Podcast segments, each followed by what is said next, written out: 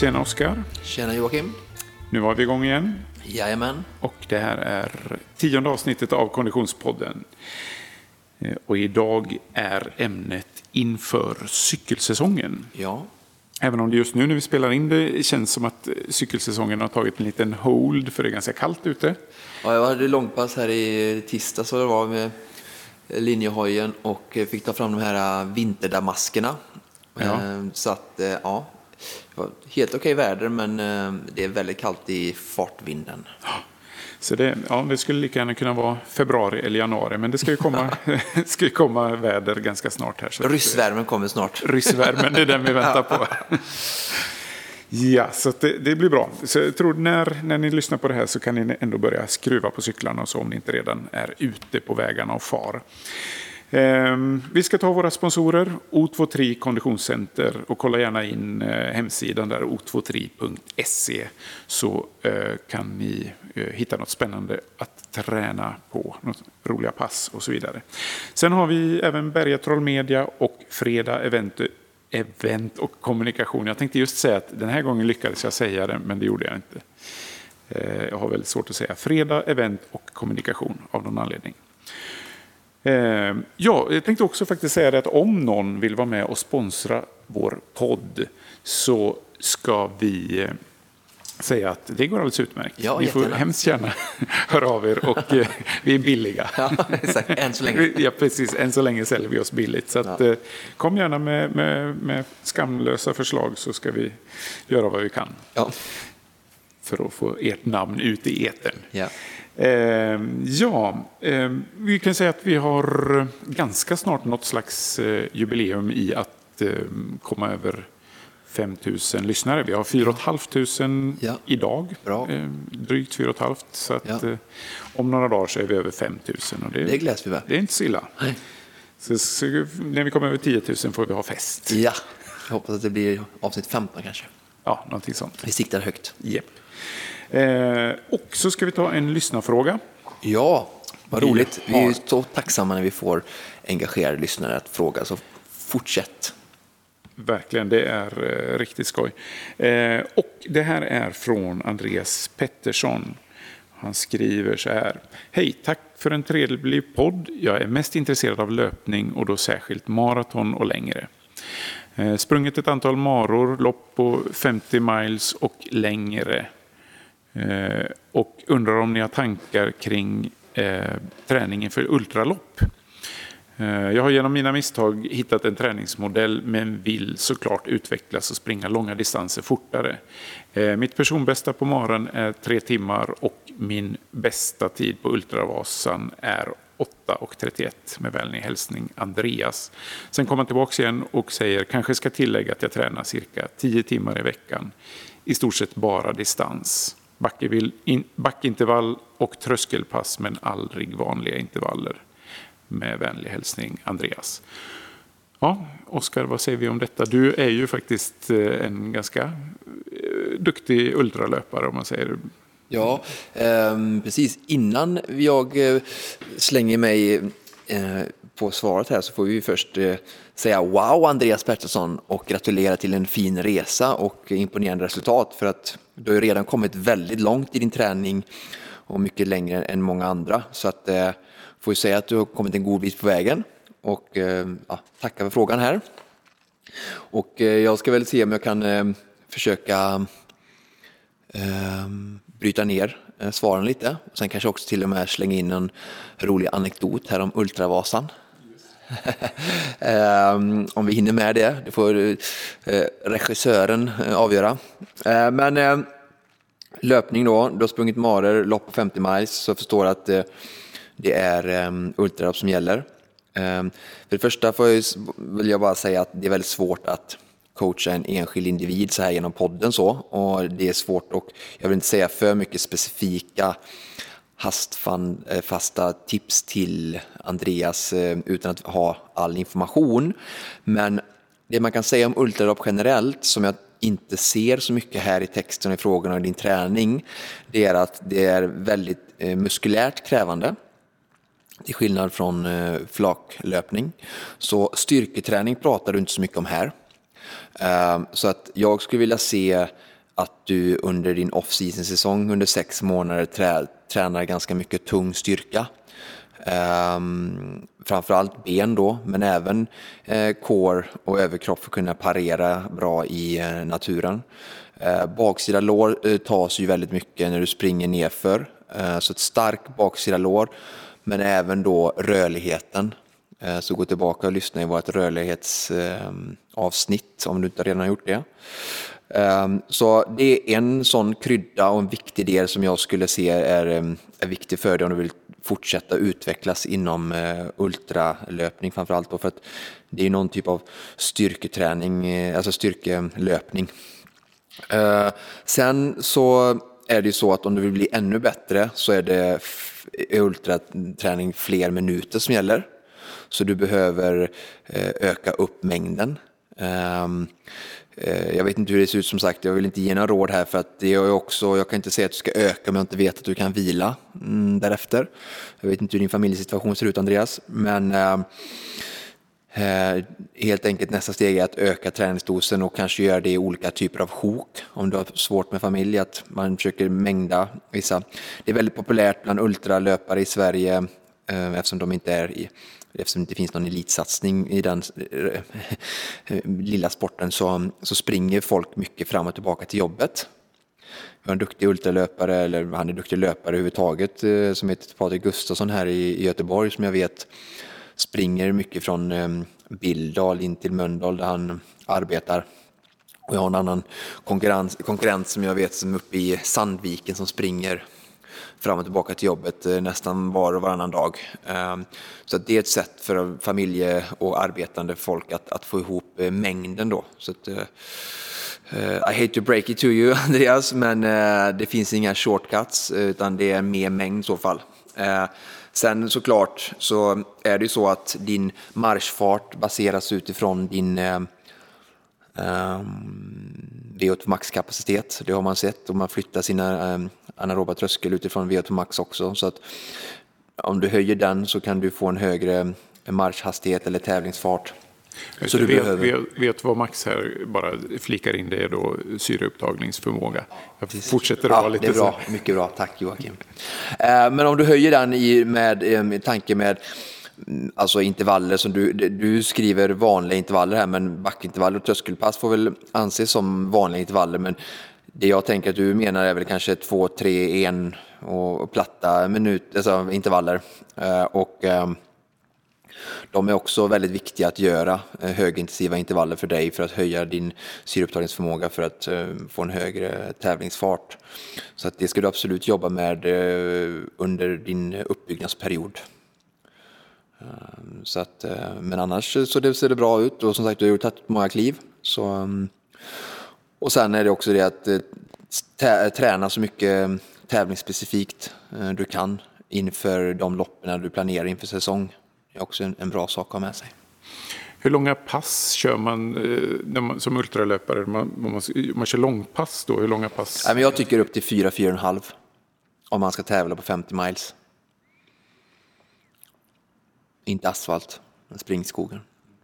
Sen så skulle man kunna också skicka med eh, Andreas att om du har tillgång till cykel, som vi ska prata om idag, så är det inget dåligt av att, att slänga in några eh, 4-5 timmars cykelpass för att få den aeroba träningen för kroppen eh, ur ett långdistansperspektiv. Då, för det kan vara också ett sätt att få ökad mängdträning utan att det sliter på kroppen.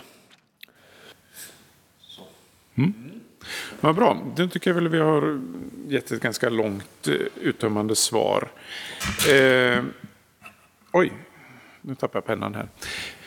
Vi har en till fråga som är kortare, men som vi blev lite inspirerade av. Och den är egentligen eh, eh väldigt kort. Det är Johan Westergren som frågar, när tränar ni nästa gång och kan man haka på? Och då tänkte vi först så här, ja det är klart han kan, men sen så kom vi på att det kanske är många som vill. Jag hoppas så, vi, är alla, vi är många lyssnare nu. Ja, precis. Så, så då tänkte vi att eh, vi kanske ska ta och hitta en dag där alla som vill kan komma, alla som lyssnar på podden kan komma och träna med oss på O23 konditionscenter. Där vi kör en så lite rolig rolig träning och vi kanske kan prata lite grann med, med de som kommer och, och så ni kan vara med i podden eh, och ha lite roliga infall. Ja, då är frågan, har vi något bra datum? Ja, men eh, lördagen den 14 maj kanske. Ja, det låter bra. Ja. Ska vi säga klockan 11? 11 så kör vi eh, lite grann först. Kan, ja, du presenterar lite grann. eh, Centret ja, sen lite träning och sen lite intervjuer till deltagarna. Ja, För de som vill. Ja, så räkna med en och en halv till två timmar här ungefär då. Från klockan 11 eh, Den 14 maj. 14 maj. Och mer info kommer på Facebookgruppen. Yes. Och eh, klädsel och sånt. Och, ja, eh, frack. Smoking, nej. Nej, men kläder för inomhusbruk tänker jag. Ja, inomhusskor och eh, vanliga vad som Inomhusskor inomhus- och eh, shorts och linne t-shirt. Perfekt. Då kör vi på det. Det blir skoj. Vi kommer ut med, med så mycket info vi kan inom kort. Och nu har vi kommit till kanske vår absolut svåraste punkt. När vi ska prata om oss själva. Ämnet, oss själva. Ja, Wow, shit. Och det Det var ju fått en, lovat. eh, en tittare som har önskat det. Ja. ja precis. Det, det var ju, vi lovade ju det förra, förra gången. Så att, eh, och då sa vi att vi skulle berätta om varandra. Vi får väl göra det lite grann och sen fylla i så gott vi kan. Eh, Men vi tar, det får bli en kortis. Oskar Olsson ska jag berätta om då. Eh, han är en oerhört hårt satsande, hårt tränande eh, triatlet eh, slash eh, ultralöpare slash lite av varje före, före detta fotbollsspelare som har ett oerhört pannben och eh, är fantastiskt dedikerad och entusiasmerande. Det är lite grann därför jag tyckte det var roligt att göra den här podden överhuvudtaget. Det, jag blir alltid väldigt peppad av att träna med, med dig och, och överhuvudtaget se ja, din framfart i olika sammanhang. Det tackar vi för. Det är roligt.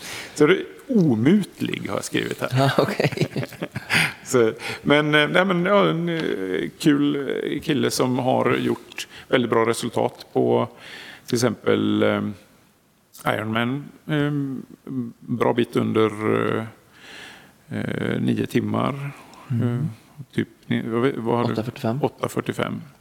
Eh, Det är inte många som, som är i de banorna eller i de tiderna och kör. Ehm, Du kommer från Alingsås Ja.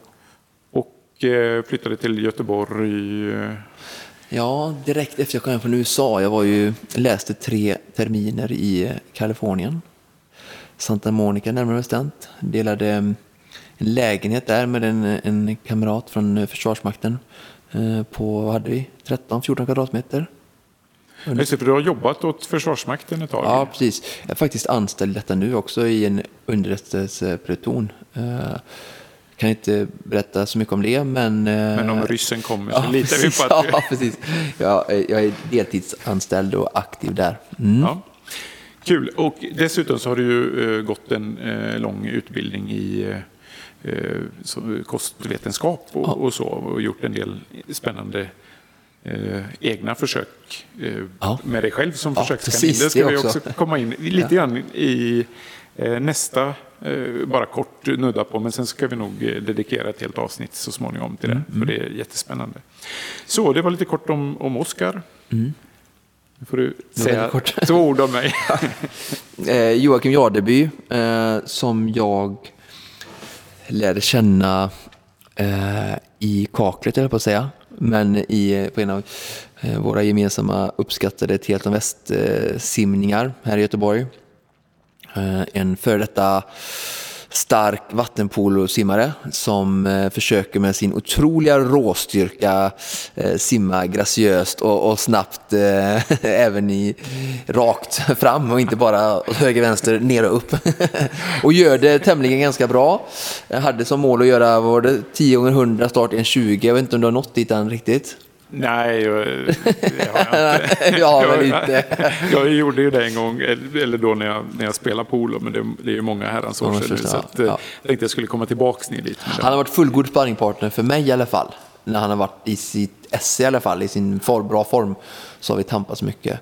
Um, han är uh, Eh, Chalmers eh, overall tänker jag lite så här. Du har gjort den här resan på Chalmers med ja. eh, vi pratade om det innan idag, att du skulle gå på någon sån här konstig kortege i, i helgen för du skulle inte vara med på mitt läger. Nej, just det. ska... ja, eh, vi gör olika val här i livet. jag ska äta god mat. Precis, äta alkohol. mat och alkohol eller träningsläger på O2 Triv. Hur svårt kan det Svårt val. Men så det är roligt, du har mycket utbildning där och eh, Joakim jobbar med Eh, som författare och inom media, duktig på att skriva manus. Du har skrivit det här, um, varit med bakom kulisserna på det här eh, vet jag nu, Lillördag som varit med Lotta Engberg på tv. Eh, det är roligt och eh, du har även hjälpt mig att skriva lite texter och göra lite sådana här småfilmer och snuttar. Så duktig på att göra saker och chockar alltid mig när det gäller att göra sådana här filmer och texter och klippa saker. Så du är duktig inom media och jobbar med det. Mm. Eh, sen som sagt så känner jag inte till vad som hände i dina fornstora dagar eh, som ungdom eftersom att vi lärde känna varandra för kanske fem år, sex år sedan. Det får vi ta eh, någon gång när vi sätter oss och kör en sån riktig skrönpodd. Ja, vi bara... ja just det. Gå, gå loss liksom gamla... Dricka ett par öl och sen så berätta gamla skrönor. Men det kan vi ta en annan gång. Ja. Men nu har vi ju ändå pratat om oss själva lite grann. Så ja. nu har, vi, har ni, undrar ni mer så får ni ringa, smsa, mejla eller ställa mer frågor via Facebook eller mejl så får vi ta upp dem då. Precis, mer specifika ja, frågor så ska vi göra vårt bästa. Nu ska vi äntligen komma in på själva ämnet inför uh. cykelsäsongen. Och eh, det är väl lite allmänna grundtips för cykling. Ehm, så där tänkte jag nästan att vi skulle vi går in lite grann först och främst bara på eh, väldigt basalt, utrustning. Ja.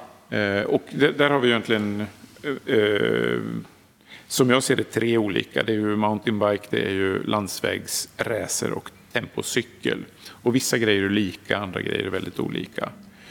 Eh, om man börjar med landsväg. Ja.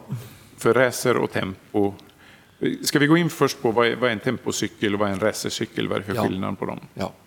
En tempocykel är eh, gjord för att gå snabbt, eh, rakt fram. Både aerodynamiskt sittposition, med sittposition, utväxlingen, vilket innebär att den oftast är drevad för att dra lite tyngre växlar och eh, inte åka så mycket upp och ner och göra snabba accelerationer som man gör på en linjecykel med knixiga banor eller i klunglopp. Eh, ehm, så att eh, kort och gott, en linjecykel när du cyklar mycket i grupp med cykelklubb eller med eh, åker Vätternrundan och sådana saker. Eller överhuvudtaget motionerar och inte håller på med triathlon.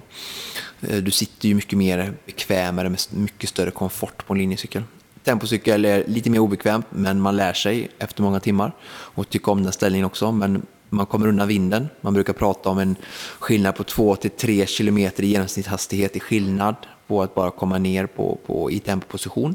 Vilket då blir en väldigt stor eh, tidsskillnad om man tänker ett lopp på alltifrån en till fem timmar. Mm. Um, så tempocykel är till för att eh, köra antingen man tävlar i tempo, då, det är kanske inte så många motionärer som gör, uh, men framförallt för triatleter. Då. Just det, för i triathlon får man inte ligga i eh, klunga. Nej, förutom så. på ITU på eh, högsta nivån då kanske. Mm. Ja, just det, när de, de, Lisa Nordén och de, då ligger de i klunga och tävlar? Ja. ja. Men inte för oss amatörer och liknande. Ehm, ja, och de två då, när man då ska ut på en eh, cykelrunda. Eh, hur vad ska man tänka på? Vad ska man eh, förbereda och vad ska man ha? Ja, precis. Eh, vi, först finns det två läger med cyklar där. Jag tycker det är viktigt att det finns ju aluminiumramar och sen finns det kolfiberramar. Jag tycker det är två stora skillnader som man kan ha med sig. Ehm, en, en cykel är ändå så att den är, jag skulle säga att en cykel som är lätt och styv, vilket kolfiber är, är väldigt bra för komfort och um, um, alltså själva hanteringen av cykeln. Eh, och sen ehm, även ehm, ehm, att komforten blir avsevärt mycket bättre på en K4-ram. Eh, men där priset är ju därefter också. Sen har vi aluminium som är lite billigare men blir lite tyngre cykel och eh, lite sämre komfort och lite sämre handling. Så där kanske det, om man vill ha lite kvalitet, då kanske bättre köpa en begagnad kolfiber? Ja, en... nästan. Men det är lite så, kolla vem det är som har skött uh, cykeln, det tycker jag är viktigt. Mm. Se vad den har för historik. Men det är viktigt att man väljer mellan de två lägren där, beroende på. Det. Jag tycker väl alltid att prislappen ska um, vet det, gå igen med um, hur mycket man tränar. Tränar man ofta så tycker jag att man absolut ska gå på en kolfiber. Tränar man mindre ofta så, så räcker det ju såklart med en uh, aluminiumhoj. Att börja och, och, se om man tycker att det här ens är roligt. ja, och sen då innan passet sa du. Mm. Um, ha, um, vi ska inte prata så mycket om cykelträning idag kanske. Uh, och sådär, vi kan ta lite det, vi kommer ju gå in i olika typer av kostupplägg och träningsrelaterade uh, effektiviseringar man kan göra. Men ha alltid med dig reservenergi. Reservenergi. Ha alltid med dig ett Visakort med täckning på. Ehm, um, ha alltid med dig en slang extra slang och däckbrytare så att du kan byta däck. Ehm, minimum, pump är väl bra också, men pump kan oftast finnas att tillgå kanske på en mack eller eh, det finns alltid, en pump går alltid få om man tar med sig det. Slang och däck är alltid viktigt för att kunna göra själva bytet.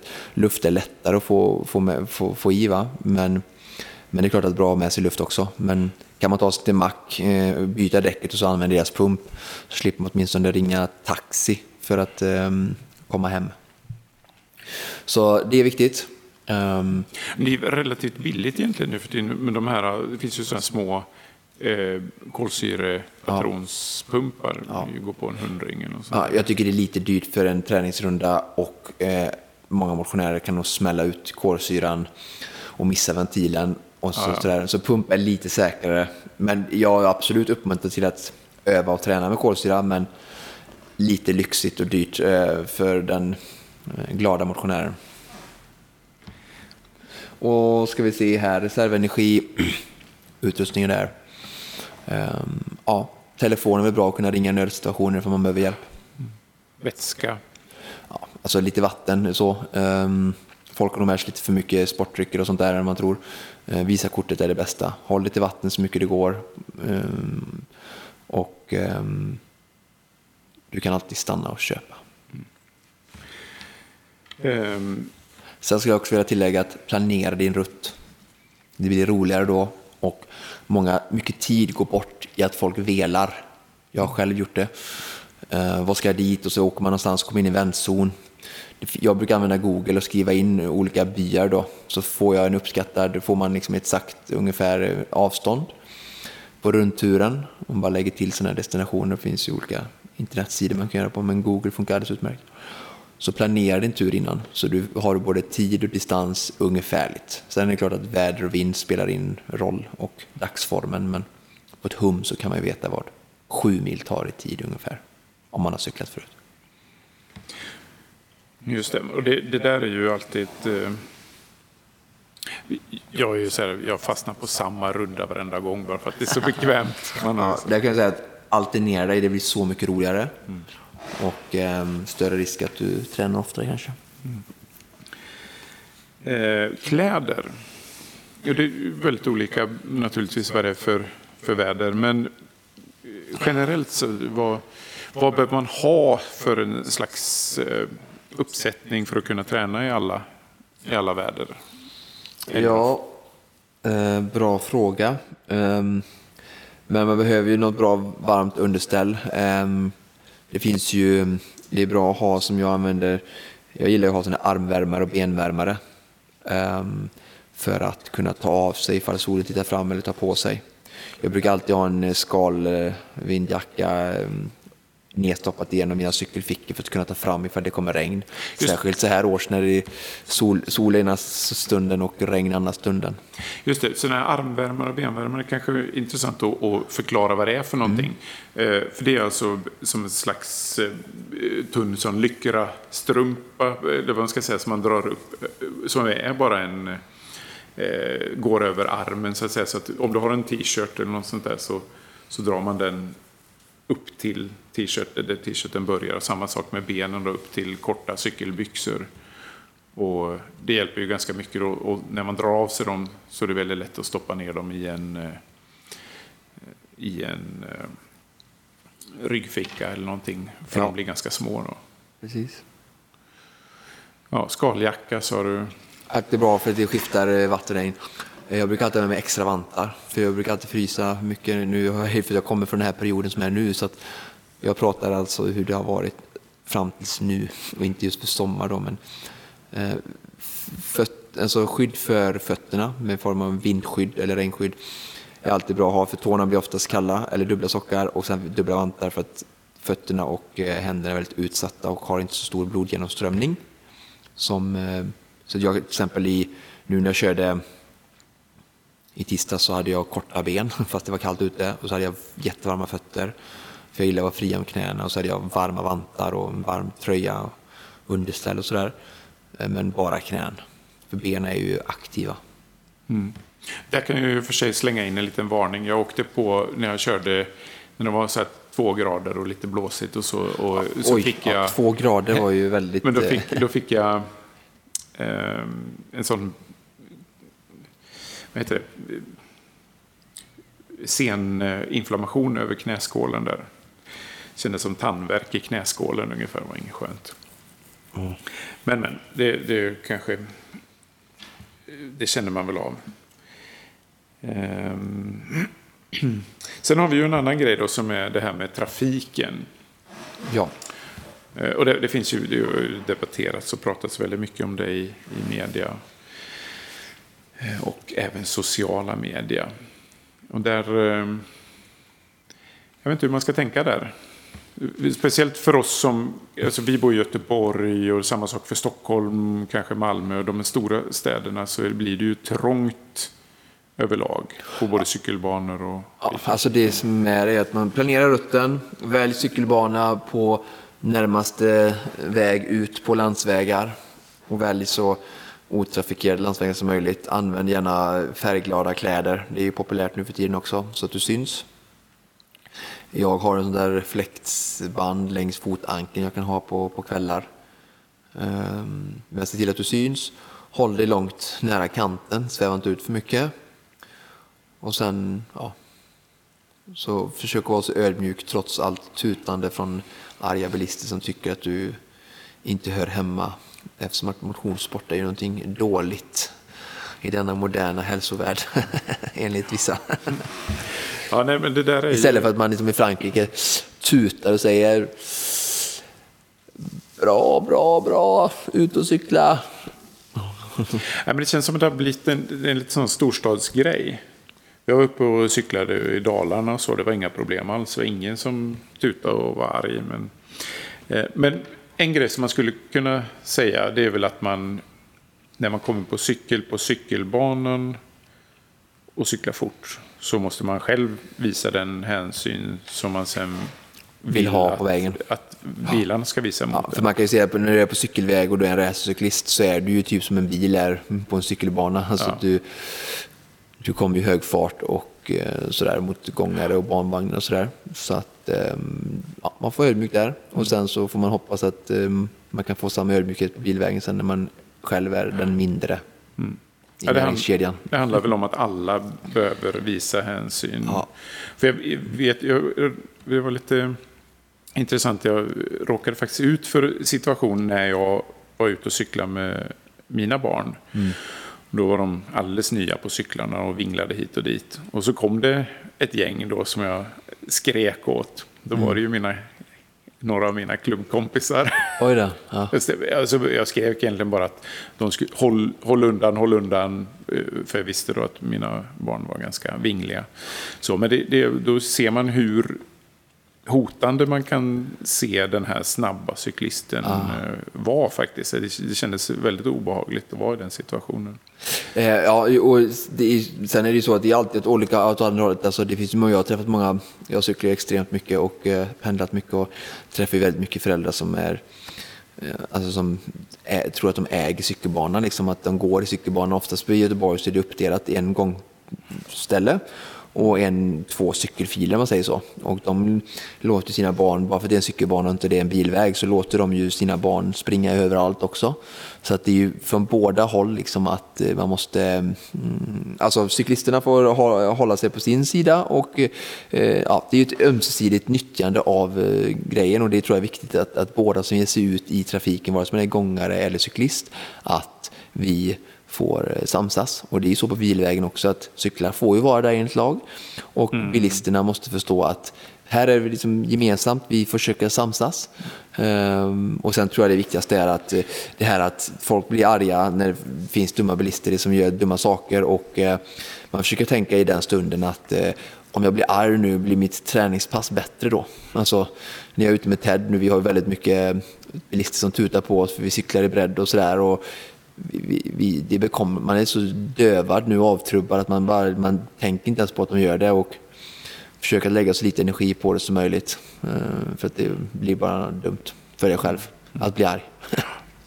Nej, men på något sätt så är det ju så som du säger där. Samtidigt som jag kan känna så här just när det gäller de här cykelbanorna och så man får ändå eftersom man är den som är det största hotet så måste man också vara den som ja, ja. tar mest ansvar. Så är det ju. Men jag menar, man kan ju ta barn som springer zigzag över, ut över, barn, över liksom, man får ju lära sina barn hur de ska springa. Men jag tycker ändå liksom att cyklister, är många, jag cyklar på Särleden där och där finns det ju folk som cyklar alldeles för fort också. Så att det, det är som du säger, är man störst i näringskedjan så behöver man ju ta mest hänsyn. Men jag menar bara att cyklister, bara för att de är på bilvägar ibland, kan ju, är ju inte avskrivna att eh, alltså, vara försiktiga. Ja, precis. Att, de kan inte cykla mitt ute i vägen heller, utan det är bra om de håller sig till sin kant. Liksom. Eh, men sen kan ju inte bilen köra förbi 110 heller på en 70-väg liksom, nära. För det är ju, det är ju, han kommer ju skada cyklisten liksom, och, och, och, på samma sätt som du säger i, på gångbanan. Liksom. Mm. Nej, men det handlar ju överhuvudtaget om att man, jag, jag menar, om man nu skulle behöva bromsa in ja. Eh, så har man inte förlorat speciellt mycket, varken som nej, cyklist, cyklist, eller, bilist. som nej, bilist. Nej, det måste man tänka på tror jag. Nej, men det, ja, det, men det, handlar bara om att jag tror att många familjegångare tycker inte att cyklister har på cykelbanor att göra, särskilt inte folk med, med, med racercyklar. Och bilister tycker inte att cyklist, racercyklister ska vara på bilen, så de har ju kommit väldigt mycket i kläm, mm. eh, tror jag. Eh, och det, det, det är ju inte en en praktisk, alltså i teori, teorin är det väldigt lätt att lösa med hänsyn, men det är ju egentligen, handlar, det kommer ner till, det kommer egentligen ner till individnivå om människors värderingar och tycken. Förstår du vad jag menar? Mm. Alltså om man tycker att du ska inte vara här så kommer man bete sig ut efter det liksom.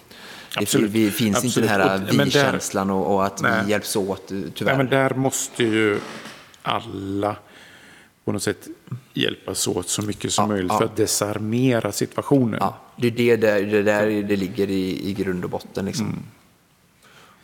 Ja. För ju mer man hetsar upp sig desto, desto värre blir situationen. Ja, och man föder bara en, en, en redan irriterad eh, krigsföring mellan mm. två parter. Mm. Vad, vad, har man för, jag tänker, nu har vi varit inne på, på det här lite grann, men, och vad är det för skaderisker? Vad behöver man förebygga när det gäller cykling? Vad ska man tänka på? Så? Skadebyggande? Förebyggande, förebyggande för, för skador skador. och så vidare. Är det någonting speciellt? Eller är det bara ut och tuta och köra? Nej, det är ingenting eh, så. Vi, styrketräning kommer vi inte komma in på idag. Ehm, som är, som är bra så. Um, nej, cykling är extremt skonsamt. Vi, vi kommer att prata om sittställning och sådär idag. Uh, och det ty tycker jag väl kan vara, gå lite hand i hand med den frågan kanske. Um, men nej, man kan få spända muskler. Vi har pratat om det med rörligheten där med, med foam roller och sånt där. Liksom, så jobb med rörligheten är bra. Uh, men sen som sagt, sittpositionen kommer vi komma in på lite. Och uh, ja, det tror jag blir det som vi kan mm. lära ut i så fall. Ehm, och om man då jämför mountainbike, vad är det för specifikt där om man ser jämfört med landsvägscykling? Ja, de är ju mm, grövre däck, eh, rullar mycket sämre och långsammare på asfalt, men ännu mer komfort. Eh, klarar fler vädertyper, alltså är mycket mer allround-cykel. Alltså, ska du inte tävla något motionslopp och du är i behov av att det går jättefort när du tränar av fartvinden och du går igång på det så är ju mountainbike för motionärer kanske en bättre investering för att du kan ju dra ut på grusvägar och stigar och se naturen och du kan köra i olika typer av väder, det, även om man inte har sopat bort eh, salt och grus och där det är lite behagligare att sitta på. Ehm, så att mountainbike är ju som sagt långsammare, tyngre, bredare däck och sådär. Men ehm, jag använder det mycket för att träna på vintern och så för att man kan inte ta ut sin racer mitt i vintern både av säkerhetsskäl och av slitageskäl. Alltså den är inte gjord för att cykla på vintern. Så att, eh, mountainbike är ju mm, väldigt bra. Mm. Det tänkte jag faktiskt att jag skulle slänga in en fråga som, som jag har eh, blivit... Eh, ja, det kom av att jag två gånger i höstas eh, flög över styret i, oh. i rätt branta nedförsbackar. Ja. Sådär. Just för att det var steniga branta nedförsbackar. Och då tänkte jag helt enkelt be om ett litet eh, tekniktips. Ja. Hur kör man i, i steniga nedförsbackar? Bra. Vi har ju mountainbike-kurser Eh, som vi kommer att ha här till sommaren och då går vi igenom mycket av detta. Och eh, det här är en väldigt viktig del av eh, mountainbike-tekniken som du är inne på nu. Men om vi ska toucha lite på det så handlar det om eh, tyngdpunktsförflyttning där du ska, eh, det, det, folk gör att de eh, blir rädda och man, eh, man krampar tag i det man, man har att hålla i, vilket är styret. vilket gör att mycket automatiskt, kroppen flyttar mycket tyngd fram på där och det är lite som att om du tänker att du hoppar ut på en issjö och så sätter du all vikt på, på foten så kommer ju du, ju mer belastning du sätter foten ju lättare är det att du, foten åker iväg och du halkar går du ut på is så brukar man gå med lätta fötter, som man säger, för att man om du trycker och gör stora riktes, riktningsförändringar och får mycket tryck under foten så, så sticker du iväg och du halkar. Ehm, så, så blir det också när du lägger för mycket tyngdpunkt framåt och grampar tag och griper i styret. Så, ehm, så helt enkelt blir det stopp. Ehm, och det du ska göra är ju att du ska flytta rumpan bakom sadeln och sen bromsa försiktigt med båda händerna. Alltså att du, det är viktigt att du, att du nyper, inte nyper, utan att du lägger på broms på bakhjulet också. Och inte bara nyper framhjulet, för nyper du i, hög hastighet alltså eh, med frambromsen så blir det ju som en bil, liksom, att, det, att det också liksom blir bomstopp. Eh, så du har inga ABS på cykeln va? så det blir inte... utan, Um, men det är ju rätt att det blir så en paniksituation så att det här får man ju träna på jättemycket så att man sätter det här i ryggmärgen. Men det du ska göra är att stå upp på pedalerna, flytta rumpan bakom sadeln så att rump, sadeln kommer fram framför ditt kön så att du flyttar tyngd och trycker ner bakhjulet. Då får du bra fäste på bakhjulet så att när du bromsar så, så, så, så slirar du inte heller. Många folk så åker de nerför, nerförsbackar och så så känner de att när jag bromsar med bakbromsen som Oskar säger, för jag inte får använda frambroms för att stupa framåt, så blir det bara liksom att jag sladdar, sånt som man tyckte var häftigt när man var 4-5 år, liksom, och försökte sladda hela tiden i gruset. Eh, då bromsar man ju inte så mycket, utan då blir farten oftast hög.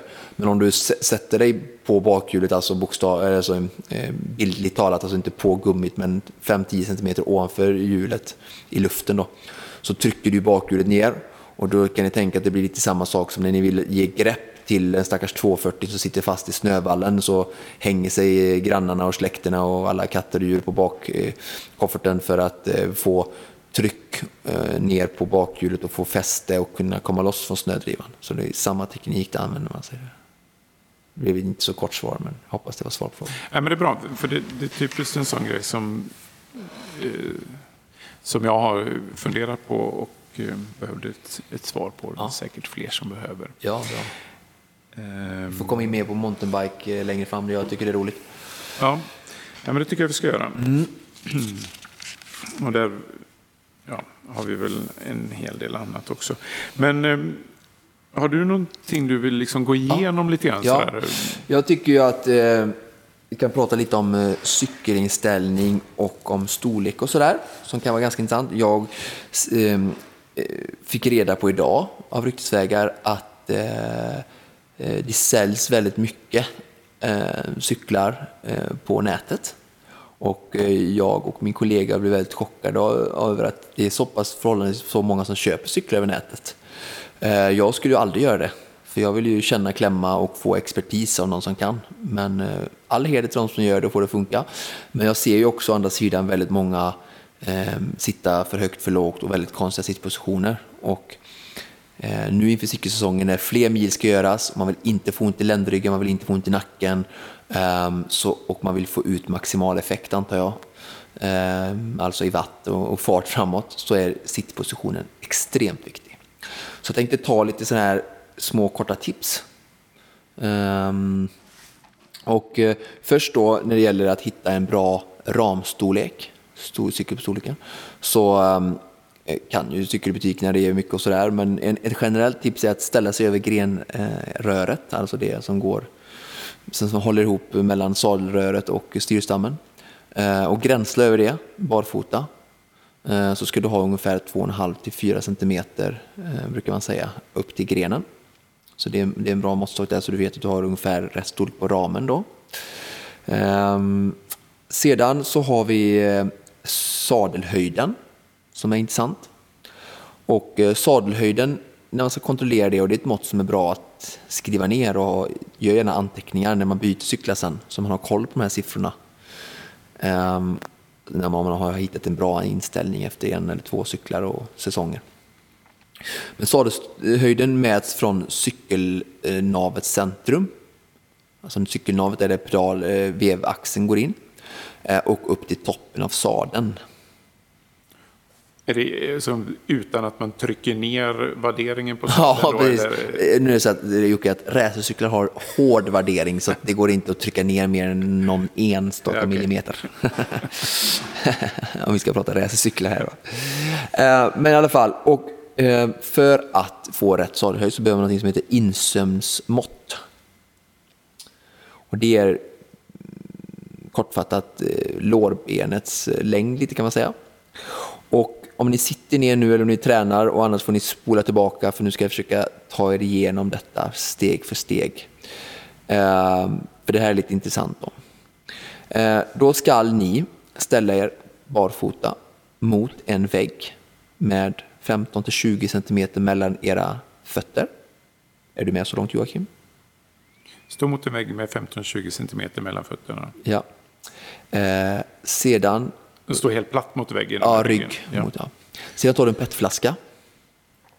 Eller något cylinderlikt eh, föremål. Som är mellan 4 till 7 centimeter i diameter. Inte alltså så i särskilt stor cylinderform. Um, och sen så kör du upp den i grenen höll jag på att säga, men du håller den upp och så sätter du upp den i skrevet med samma tryck som du skulle ha sadeln där under. Och så trycker du in den mot väggen. Och sen så har du um, någon som gör ett litet pennsträck, eller drar ett streck från toppen av flaskan där den träffar väggen ja. och ner till marken. Är du med? Om du kör in flaskan genom mellan benen och upp i skrevet så nuddar den ju väggen på andra sidan när den kommer ut mm. bakom dig. Och så över det överkanten av flaskan drar du ett streck därifrån och ner till golvet. Okej. Men du drar ett streck först för att se vart Ja, höjd, från högsta punkten av flaskan och ner till marken ska du mäta. Ja. Och sen så gångrar du det med 0,88. Då får man en ganska bra exakt hum om sin sadelhöjd. Ja. Så ja, från höjden ner Vi kan göra som vi gör för Försvarsmakten. Du kan repetera här nu. Ja, man ställer sig mot väggen ja. Med en eh, petflaska eh, upp, tryckt upp i grenen. Som en sadel. Med, som en sadel med fötterna 15 centimeter isär. Ja. Och så markerar man vart högsta punkten på eh, petflaskan är och så mäter man från den punkten och ner till marken. Och sen gångrar man med 0,88. Bra. Mm. Bra, nu har vi det två gånger så nu är det bara att spola tillbaka och lyssna igen. Eh, eller kontakta oss här på O23. Ja. ja. Eh, nej, så det, är viktigt med sadelhöjden. Eh, sen har vi sadelns placering. Eh, och eh, den eh, vill man inte ha för långt bak och inte för långt fram. Så det är viktigt att, att tänka på det. Och den går att justera framåt och bakåt. Och sen är det även så att det är väldigt dåligt för mäns eh, fertilitet och sådär att eh, ha en sadel som pekar för mycket uppåt. Och det eh, är även dåligt för att få ut effekten så att det ska vara så horisontal som möjligt. Och en del ibland så kan spetsen peka lite neråt och då är det lätt att man glider framåt. Och det är också dåligt, så försök att ha sadel så horisontal som möjligt. Ehm, så titta gärna på det. Det kan jag även tipsa om en tvådelad sadel om man cyklar mycket. Ja. Eller i alla fall prova, det är ju olika, väldigt, väldigt, olika på olika Eller ett, mig... Åtminstone ett hål i mitten är väldigt bra för att eh, du får ju av den här mellangärdet får ju lite, mm, inte så mycket tryck på sig. Och sen så har vi styrstammens höjd som är intressant.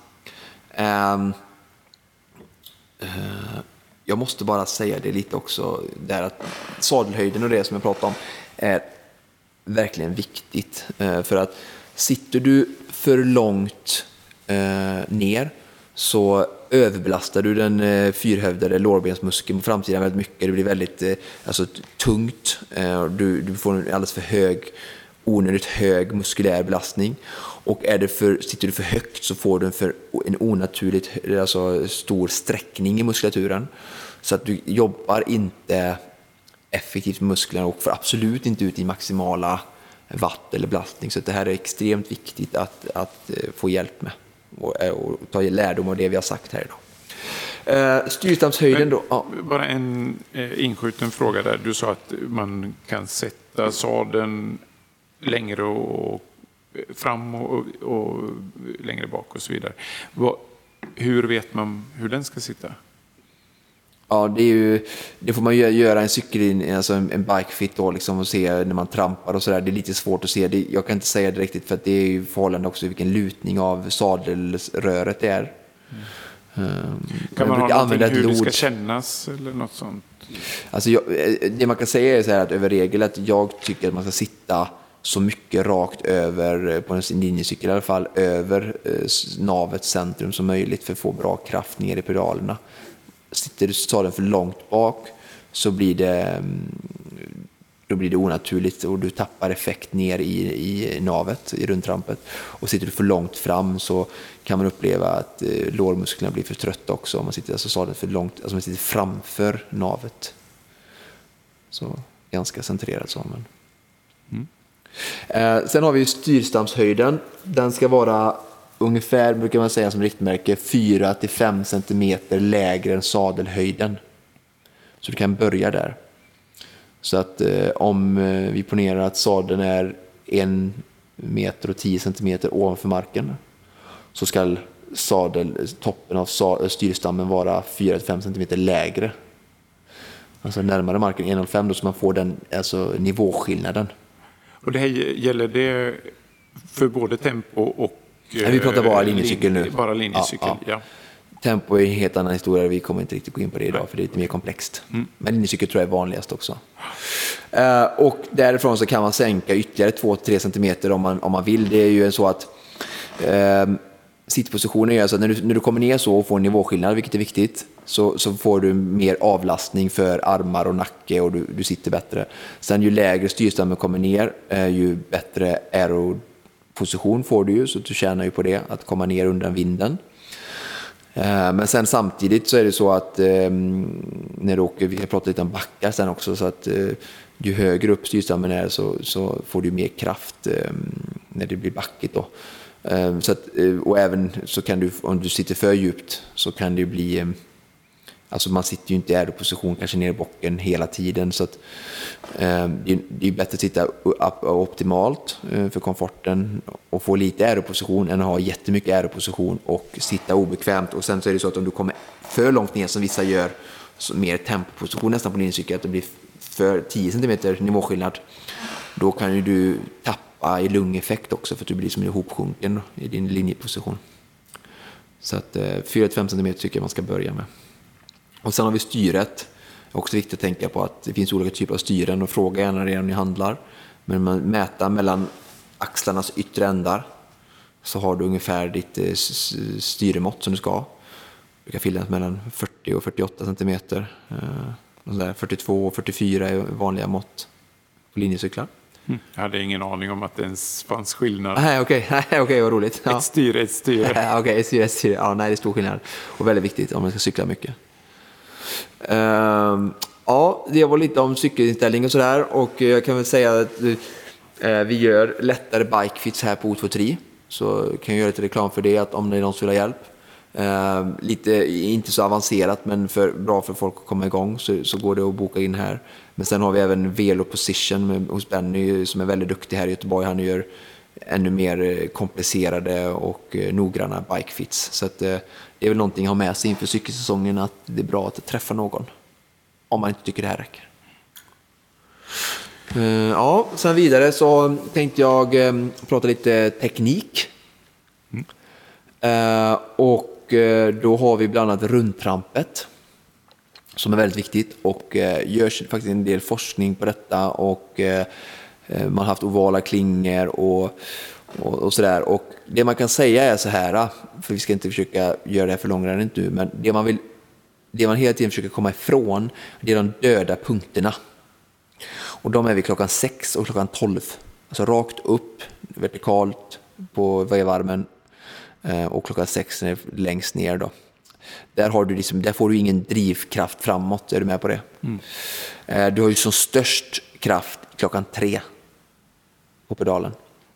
Eh, men det man har sett och som är gynnsamt är att man ska ha ett så stort flöde eh, fram ehm, och alltså stort flöde i rundtrappen som möjligt där du liksom drar lite upp pedalen på klockan, från klockan 6 till 9 och upp mot 12 och sen att du börjar redan vid klockan 1 att trycka så att du försöker ha en, en, en belastning på pedalen eh, så stor del av det här 360 grader varvet eller den här klockan som möjligt. Just det. Men när man är på baksidan där och är på väg upp, då handlar det väl egentligen mer om att lyfta benet ja. så att det andra benet inte behöver trycka upp det benet. Ja, så precis säga. så ja.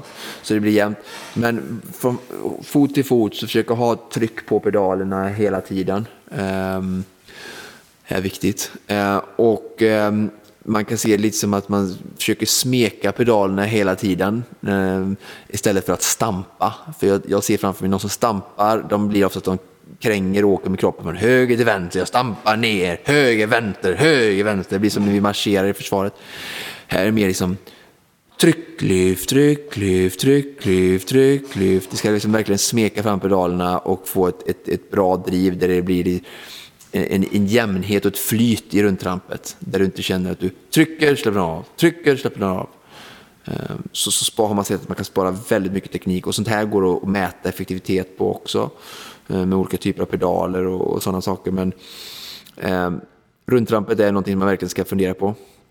Jag kan också säga det att eh, man kan använda mycket med fotleden. Att eh, trycka ner tårna lite mer för att använda vaderna i, från klockan tre till nio och sen att lyfta upp hälen lite mer eh, när du drar upp den. Eh, eller jag ska säga också att, liksom att eh, ha foten lite mer horisontal eh, faktiskt när du trycker ner från tre till klockan sex.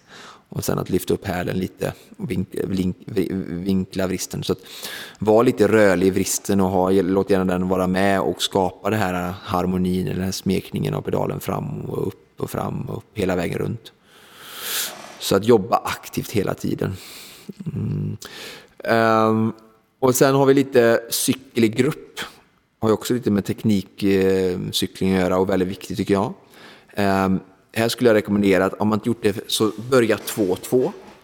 Börja med någon som kan helst såklart eller börja med en kompis. Så att ni är, turas om och ligga först. Köra partempo kallas det för. För att cykla i grupp, den enklaste varianten att cykla i grupp är ju att vara två. Det är den största, minsta gruppen som går att få. Um, och Eh, det är jättebra, ni som inte har gjort det, prova. Det är ashäftigt och roligt och cykla, cykling är verkligen gjort för att göra i grupp och inte ensam. Det är så tråkigt att cykla ensam om man inte kör mountainbiken, det var härligt. Eh, för att man kan tjäna upp till 30 procent av eh, minskad belastning att ligga bakom någon. Och det är alltså vindmotståndet som minskar så drastiskt som gör att du kan tjäna detta. Um, så börja där och då när man ligger på rulle då som det kallas för när man är i grupp då, då ligger man ju bakom någon och kallas det ligga på rulle, begreppet inom cykling. Och eh, då är det några viktiga saker att tänka på och det är ju att först att inte ligga rakt bakom Alltså att hjulet ligger precis rakt bakom det kamratens bakhjul. Alltså du har ditt framhjul rakt bakom. För att om den personen eh, bromsar eller gör någonting eller saktar ner så blir det en direkt kollision. Därför ska du ligga omlott. Så ditt framhjul ligger omlott personens bakhjul. Så fram med framspetsen kanske någonstans vid bakhjulets nav. Eh, för att av två anledningar. Den ena anledningen är att vinden kommer nästan aldrig rakt framifrån så att det är alltid bättre att ligga antingen till vänster eller höger. Och det får man känna, kommer vinden från höger eller från vänster? Oftast är det liksom, kommer från klockan 11, klockan 10, klockan 9, klockan 8. Eller så kommer vinden från klockan halv 1, klockan 1, klockan 2, klockan 3. Och då eh, försöker man hamna i lä. Ja, på andra sidan då. Ja. Kommer den från klockan 2, då ligger du ju till vänster om personen. Så, och av nummer två då, säkerhetsskäl, att så fort den personen bromsar och ligger omlott, då kan du bara väja ut till vänster. Och ligger du till höger så kan du bara väja åt höger när personen bromsar. Så att du liksom kan passera personen då i en nödsituation till höger. Och personen kanske bromsar och, åker bakåt då, bildligt talat. Och du åker fram förbi personen då för att du ligger omlott. Och sen så kommer du ju också nära kamratens torso ju närmare personens torso du kan komma, där är det mest lä. Och ligger du omlott så, så har du inga hjul som är i vägen, men ligger du rakt bakom så har du två halvor till hjul som gör att du kommer långt från kropp, den stora kroppen som du vill in bakom. Så att, ligger du lite omlott så kan du lite mer skydda dig bakom personens överkropp. Så får du också ännu mer rullkänsla. Och sen det sista vi skickar med och att i grupp det är att eh, blicken ska vara inte på kamratens bakhjul. Detta har jag sett så många gånger. Blicken ska vara fram, precis som när du kör. Många 16-åringar som övningskör tittar precis rakt framför sig. För att få ett bra flow i trafiken och en bra hög säkerhet så ska du ha blicken långt fram och se vad som händer i trafiken. Eh, så är du beredd på svängar, gropar eh, och sådär då. Sen använder de mycket tecken och sådär. Det är bra att lära sig, gå med i grupp och cykla med grupp. Eh, och anamma de här cykeltecknen. Det är en hel djungel och kultur. Men börja två och två och sen öka och sen så cyklar ni i grupp så kom ihåg att att cykla i grupp är också att man lär sig att cykla tillsammans och försöker skapa grupper och håller er till dem. Eh, kommer ni i en ny grupp så kan man inte tro och förvänta sig direkt att nu funkar det som det gjorde i min andra grupp. För det är nya människor och då får man vara ännu försiktigare och kanske ha mer avstånd och ta det försiktigt. Och när ni sitter i grupp så försök också att aldrig sitta i bocken. Bocken kan ligga inne ner längst fram och dra i vinden, komma undan vinden. När ni ligger på rulle så sitt med händerna på växelreglagerna till lika bromsreglage. Det var lite om teknik i grupp. Mm, det, det var någonting jag tänkte på där just. Eh, ja, det är alltid den som ligger bakom som trillar ja, i en kollision. Ja. Då far framhjulet. Ja. Det. Ja, jag har varit med om det. Alltså, jag har legat framme och den personen har åkt rätt in i mig för att jag har bromsat för en framförvarande bil. Det är också att när den ligger längst fram så, eh, så är det viktigt att man inte tvärnitar och gör kraftiga inbromsningar. Det tycker jag är viktigt att skicka med till lyssnarna också. Gör inte kraftiga inbromsningar utan släpp i första hand på trampet så att ni rullar och minskar fart.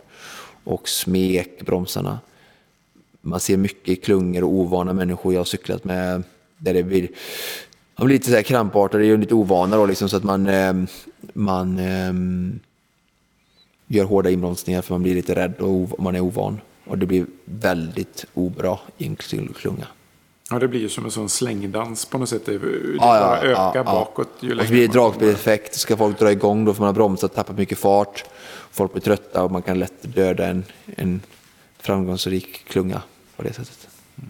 Ja, nej, men så det, det, är väl bra. Och sen så finns det ju en del sådana eh, klubbar och så. Man har sen pröva på pass och sådär Ja. för, att man vill testa. Och jag tänker speciellt inför folk om man ska köra Vätternrundan. För det är ju väldigt gött att gå med Ja. klungor och sådär. Även om man inte cyklar med någon, någon klubb runt Vättern. Men, men då måste man ju veta vad man gör. Ja, Bra. Um, ska, jag ska nämna lite kort, det sista jag hade lite var teknik om att cykla i backe. Eh, och då skrev jag ner lite här och tyckte att ehm, backar eh, är ju härliga. Och man, jag tror att många motionärer ibland kan se backar som någonting jobbigt och man står upp och kränger. Men jag tycker man ska välja att eh, se det som bra träning och se det som en bra utmaning att ta sig upp. Och, det är alltid härligt om man cyklar upp för en lång backe. Man känner sig nöjd. Så att lär er älska backarna och ha ett sunt förhållningssätt till dem. Se det som bra träning.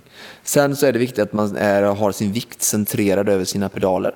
Det är som jag pratade om lite innan, att får, får du så mycket kraft som möjligt så sitter du så rakt ovanför naveln som möjligt och trycker kraften ner i pedalerna. Eh, sen är det viktigt att, att, att ha planerat sin växel. Jag hör många eh, växlar väldigt mycket i backen för att man har liksom dålig planering. Det är som att planera sin körning med rätt fil och rätt växel. Man får lära sig på bilskolan. Det gäller även i cykling då. Så se till att du har rätt växel. Behöver du mot all förmodan växla sen i backen så lätta på trycket på drivlinan. Alltså tryck inte hårt på pedalen utan bara sluta inte pedala utan pedala men pedala väldigt lätt och släpp trycket och så växla. Många gör så att de har bibehåller en hög watt-tryck, alltså på pedalerna, en hög belastning, samtidigt som man växlar så drar man sönder kedjorna. Eh, och många har varit med om så hoppar kedjan in mellan ramen och, och drevet och sådär för att man, man, man smeker inte i växlarna utan man eh, fortsätter trampa och bara växlar och så går det sönder eller hoppar och man undrar vad händer nu när jag hoppar, min kedja hoppar. Ja men nu kör du 50 in i en, i en uppförsbacke och så hade du tyngsta växeln och så bara började du växla och så hade du samma tryck på pedalerna. Då, det är inte grejerna gjorda för. Så planera din körning inför backen. Eh, och sen så brukar man säga att eh, man ska ha mellan 60-90 kadens. Så lite lägre kadens kanske än, än på platten för att det är lite mer styrka. Men inte lägre än 60 för att då blir det för stor muskelpåfrestning. då blir det som styrketräning. Ja, precis. Då, då slits det väldigt mycket. Och sen försöka slappna av. Många spänner sig, kränger och sådär. Och man ska veta att eh, spänningar på kroppen påverkar andningen. Och sämre andning så får du mindre syre ut i musklerna och sådär. Så att... Upp för backen, slappna av överkroppen. Spänn inte, krama inte styret och tro att du är Ironman ska försöka bryta av styret på mitten. Utan låt benen jobba och ha överkroppen och resten av kroppen. Grimasera inte utan var avslappnad. Hitta andningen och bara besegra backen. Just det, så det där eh, märkliga ljudet du gjorde nyss, det var ju alltså att visa att du var avslappnad i ansiktet. Upp för backen! Det är klockan börjar bli mycket nu. Ja, nu har vi inte så mycket kvar av det här programmet. Eh, och eh, det vi har är till exempel om vi har några små tips om event och tävlingar. Ja, precis. Vi har ju vår kära Carolina som tycker att vi ska eh, ha den här underbara lyssnare punkten om, om tips på, på träningar. Precis. Eh, nu har vi ju träningsläger här på Otto 3, så jag trodde väl att eh, resten av Sverige står väl stilla när det gäller tävlingar nu. Men det verkar Man kunde ju tro det. Man kunde tro det. Eh, Men vi vet att vi har Laxaloppet, löpning 10 km snabbt här i helgen. Vi har, det går på lördag den 30 april. Vi har även en snabb mil på Lerumsloppet den 30 april. Sen har vi tipsat om det sist också om Dalsland X-Country. Om man känner sig sugen på cykel nu när vi har pratat om det så släng i cykeln och åk upp och kör Dalsland X-Country mountainbike-lopp. Vi har ju, eh, ska vi inte glömma, vi har ju eh, eh, Göteborgsgirot som är, kommer nästa helg. Eh, ni får googla Göteborgsgirot, men de har både linjecykel eh, 7 och 14 mil och även kort och lång mountainbikebana tror jag på söndagen där. Så där har vi Göteborg eh, nästa eh, helg, där vi talar om cykel. Ehm, sen har vi Väsby Duathlon i Stockholm om man vill träna och cykla och och springa varvat om vartannat. Det kan ju vara eh, roligt. Vidare så har vi eh, Växjö. Det är ju ett annat, eh, annan del av vårt avlånga land. Vi har en snabb 10 km bana och ett halvmaraton i Växjöloppet den 1 maj. För den som vill göra det och bor där. Om vi försöker täcka geografiskt lite. Sen har vi ju vårruset i Malmö. Nu börjar ju vårruset komma igång. Och det brukar ofta vara på måndagar. Så måndag, vårruset är ju vanligen 5 kilometer. Så bor ni i södra Sverige så anamma kanske Malmö vårhuset den 2 maj, en måndag. Och eh, tycker man inte att det är tillräckligt långt så kan man ta det som ett bra fartpass, snabbdistans. 3-4 km, 5 km lätt uppvärmning, jogg va? och sen 5 km fullt blås och så 2 km nedjogg och så är måndagsmysen färdig. Um, hade jag något mer som jag tyckte? Ja, men det är väl eh, lite framåt här va. Vi har även Solvikingarnas eh, KM i långdistansbana här eh, på en torsdag, också en veckodag. Den 5 maj, 10 kilometer, de springer på bana. Jag tror att man brukar få, få vara med, anmälan går bra även om man inte är medlem i Solvikingarna. Så får man prova att få en snabb tid på bana alltså. Alltså man springer på en friidrottsbana, brukar vara på Slottsskogsvallen i Göteborg. Ja, jag kan inte bomba på här hur mycket som helst. Nej, men då det var kan något. vi väl känna att vi har gett några eh, tips. Och eh, som sagt, som jag sagt tidigare, att eh, har ni något spännande lopp eller någon föreläsning eller vad som helst som ni vill tipsa om så gör gärna det. Vi förmedlar gärna om, vi, om det är något spännande som händer. Och hur gör man det då? Till exempel på vår mail konditionspodden gmail.com. Vi har eh, Facebook-sidan som är eh, Konditionspodden helt enkelt. Man söker på Konditionspodden så löser det sig. Eh, och kom med olika synpunkter, förslag, frågor och annat. Nu återstår bara att säga vad nästa ämne är, alltså nästa veckas ämne och det är kost och träning förutom det så har vi bara kvar att tacka för idag. Mm. Hoppas att det ska vara, att det var en intressant lyssning, att ni lär er någonting. Och är någonting oklart så mejla och integrera gärna med oss på Facebook och mejl och så vidare. Yes. Tack och hej. Tack och hej.